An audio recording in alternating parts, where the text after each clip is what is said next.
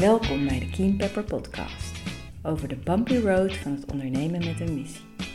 Mijn naam is Nienke Poortvliet, eigenaar van Keen Pepper, een adviesbureau voor ondernemers met een missie. In deze podcast staat de ondernemer centraal. Door het delen van eerlijke en openhartige interviews met ondernemers en het delen van inspiratie, tips en adviezen wil ik jou als ondernemer helpen op jouw bumpy road naar meer groei en impact.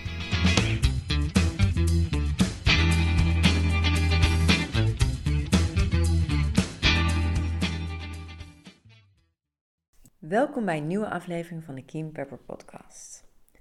In deze aflevering wil ik het met jullie hebben over een mechanisme wat ik zelf goed ken. En wat voor mij op een gegeven moment een mega groot inzicht heeft opgeleverd. Wat echt uh, daardoor ook een grote verandering teweegbracht in de manier waarop ik werk, de manier waarop ik samenwerk met anderen en de manier waarop ik ondernemers ondersteun. En het gaat over het mechanisme dat jij uh, geneigd bent om verantwoordelijkheden over te nemen van een ander. En verantwoordelijkheden, taken die eigenlijk een ander moet uitvoeren, dat jij dat naar je toe trekt en uitvoert. En dat is iets wat ik steeds meer ben gaan herkennen, ook bij anderen. Dus vaak op het moment dat je zelf een inzicht hebt, uh, in iets, iets ziet van jezelf, en bewust wordt, bewust wordt van wat je eigenlijk doet, dan is het ook makkelijker om dat bij anderen te herkennen. En ik zie het vaak gebeuren bij sociaal ondernemers die heel missiegedreven zijn, die heel grote betrokkenheid hebben ten opzichte van hun doel, ten opzichte van de doelgroep die ze ondersteunen. En daardoor in deze valkuil terecht te stappen. En het, het, uh, de, de, het, de zin die mij hier heel erg bij helpt, dus een soort van tool die ik inzet om mezelf elke keer weer scherp te houden op van, is dit nou inderdaad de valkuil waar ik in stap, is de vraag, staat het zweet wel op de juiste rug? Dat is de titel van deze podcast. En ik heb dat zelf aangereikt gekregen in een coachingstraject uh, waarin ik gecoacht werd.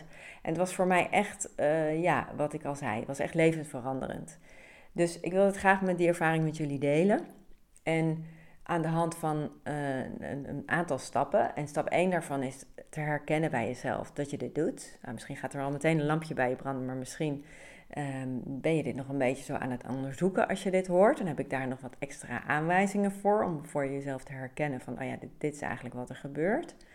En dan uh, heb ik een aantal redenen waarom het echt geen goed idee is om dit te doen. En tenslotte uh, vind ik het zelf altijd heel erg boeiend om dan te onderzoeken van ja, maar wat levert mij dit nu eigenlijk op? Waarom doe ik dit? Omdat vaak daar zit dan, vanuit die motivatie uh, kan je vaak, als je daar zicht op krijgt, want dat is soms gewoon ook onbewust, dan kan er een echte verandering plaatsvinden. Nou, waaraan je herkent dat je het doet, is dat een geneigd bent om te doen, is dat jij eigenlijk meestal degene bent die leeuwendeel van het werk op je neemt. Jij trekt uh, de verantwoordelijkheden, to-do's naar je toe. Je kan snel werken, je bent resultaatgericht en je ziet wat er gebeuren moet. En je voelt je super verantwoordelijk. Maar daarbij heb je dan wel soms het gevoel dat je altijd degene bent die de kar moet trekken. Dat die verantwoordelijkheid volledig op jouw schouders rust. En dat je ook gefrustreerd wordt door het gebrek aan uh, bijdrage van anderen. En je bent een beetje aan het mopperen dat anderen niet leveren wat ze zouden moeten leveren. En je zucht en je steunt, maar je doet het, pakt het dan toch wel weer op, want ja, het werk moet tenslotte gedaan worden. Nou, dat is, als je dit herkent, dan is er een grote kans dat jij ook geneigd bent om verantwoordelijkheden en taken van anderen over te nemen. En waarom is dat nou geen goed idee? Nou, dat zijn drie redenen waarom dit geen goed idee is. Eén, en dat zal je vast herkennen, dit is voor jezelf vreselijk vermoeiend. Dit kan je echt enorm uitputten.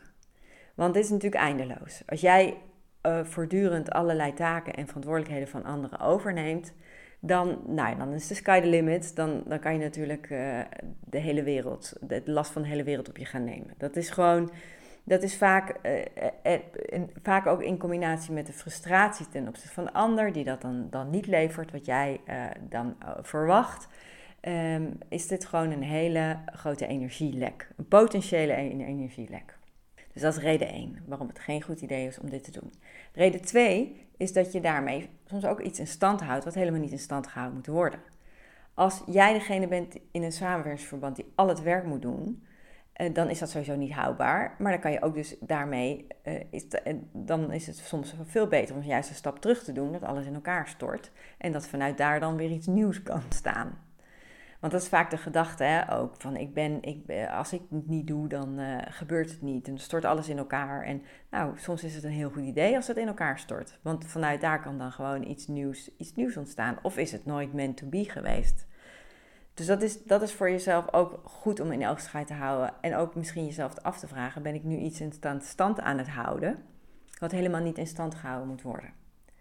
En tenslotte, en dat vind ik ook een hele belangrijke, zeker in mijn rol als ondersteuner, op het moment dat ik dat doe ten opzichte van een ondernemer met wie ik samenwerk, of die, die ik ondersteun, en ik ga verantwoordelijkheden overnemen die eigenlijk bij die ondernemer hoort, dan ontneem ik haar of hem ook de kans om het zelf te doen en zichzelf op dat vlak te ontwikkelen. Dus we hebben gezien hoe je het kan herkennen. We hebben het net gehad over waarom het geen goed idee is om dit te doen, om die verantwoordelijkheid en taken over te nemen.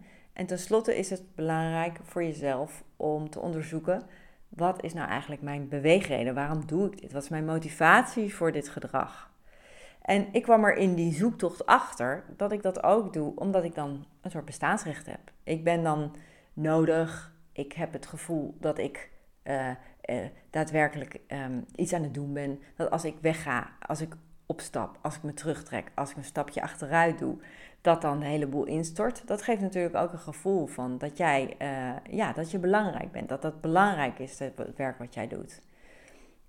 En het geeft je ook controle. Want als jij degene bent die uh, geneigd bent om het werk naar je toe te trekken, is het ook dat jij kan bepalen hoe het gebeurt. En dat klinkt misschien negatief, maar dat is denk ik gewoon heel menselijk en goed voor jezelf om te onderzoeken van, oh, is, is dat misschien ook waarom ik dat geneigd ben om te doen. Want anders ben je zo extern gericht en uh, ben je dus vooral, zit je, blijf je vooral in die frustratie waarom die ander niet levert wat hij levert. Maar ja, dat, daar, daar, in principe heb je daar verder ook geen invloed op. Je kan beter bij jezelf onderzoeken, oké, maar wat is dan precies de reden dat ik dit wel blijf doen? Ook al onder, hè, gezien het feit dat ik daar eigenlijk ook heel gefrustreerd over raak. Dus onderzoek het bij jezelf. Staat het zweet wel op de juiste rug? Het is voor mij een, een zin, alleen die zin al maakt dat ik hier steeds scherp op kan blijven. Ik wens je heel veel succes en uh, ik hoop dat je hier wat aan hebt. Als je hierover nog even wil, wil, iets over wil delen of over wil sparren of als je feedback hebt, dan hoor ik het heel graag. Uh, info at En uh, tot de volgende aflevering.